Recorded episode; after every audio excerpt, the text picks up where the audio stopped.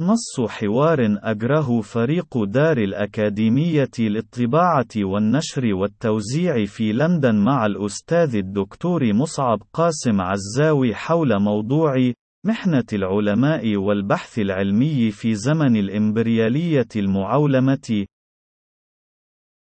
فريق دار الأكاديمية هل ترى بأن هناك أي استقلالية للعلماء والبحث العلمي في العالم الإمبريالي وما هو رأيك بالنسبة للعلماء في الدول الجنوب المنهوبة؟ مصعب قاسم عزاوي أولاً بالنسبة للعلماء في العالم المنهوب فقد تحولت الغالبية الساحقة منهم مرغمين إلى أساتذة على شاكلة أولئك المشتغلين في المدارس الثانوية يعمل معظمهم في جامعات تحولت معظمها إلى مدارس ثانوية كبيرة جوهر آليات العمل فيها مستند إلى الاستحفاظ والاستذكار وتعزيز مهارات الذاكرة القصيرة والمتوسطة المدى لدى الطالب، ودون أن يكون للبحث العلمي ولا استكشاف التنقيبي عن المعرفة أي دور فعلي في آليات العمل الداخلية في تلك الجامعات، وقد يستثنى من تلك المجموعة رهط صغير يعمل في الصناعات العسكرية في بعض الدول النامية، كما هو الحال في القوتين النوويتين الهند وباكستان، التي تجافي في جوهرها الهدف الأسمى للعلم وهو تحسين شروط حياة الإنسان كليانيا، حيث أن هدفها الأسمى هو صناعة الموت بغض النظر عن المبررات الأخلاقية أو غير الأخلاقية. الأخلاقية لذلك الهدف كما هو في النتاج العلمي الذي تمخض عن تصنيع الأسلحة النووية في الهند والباكستان والصواريخ البالستية في غير موضع من أرجاء العالم المنهوب. أما في العالم الإمبريالي فالموضوع أكثر تعقيدا ومخاتلة، إذ يتوجب على من يساهم بإنتاج علمي منتظم ورفيع أن يحافظ على إمكانية استئجار قوة عمله كعامل ذي ياقة بيضاء، أو بمعنى آخر عبد صالح للاستئجار المؤقت في مركز علمي مرموق في جامعة أو مركز متخصص في البحث العلمي،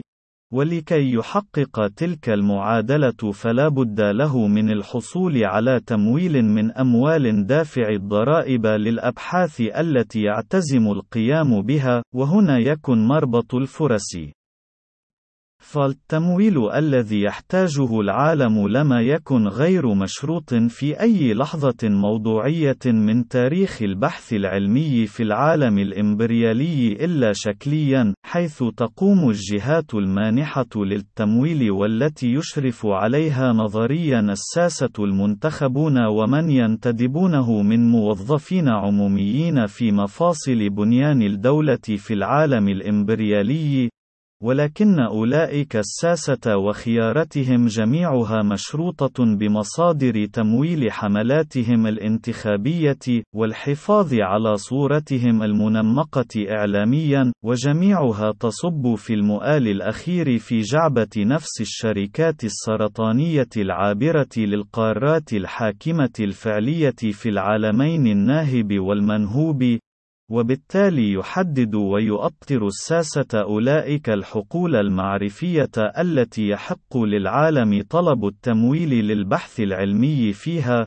وكمثال على ذلك يمكن لعالم الحصول على تمويل لإنتاج دواء جديد لمرضى نقص المناعة المكتسب، ولكن ليس لقاحًا يستأصل ذلك المرض جذريًا إذا أن ذلك قد يؤثر على أرباح شركات الأدوية التي تتربح من معاناة أولئك المصابين به، ولا يمكن له أبدًا طلب تمويل لإيجاد لقاح ناجح لمرض الملاريا إذ أن الذين يقضون به من المعدمين في غياهب القارتين الصفراء والسمراء الذين ينطبق توصيف جورج أورويل لهم بأنهم في المنظار الإمبريالي لا بشر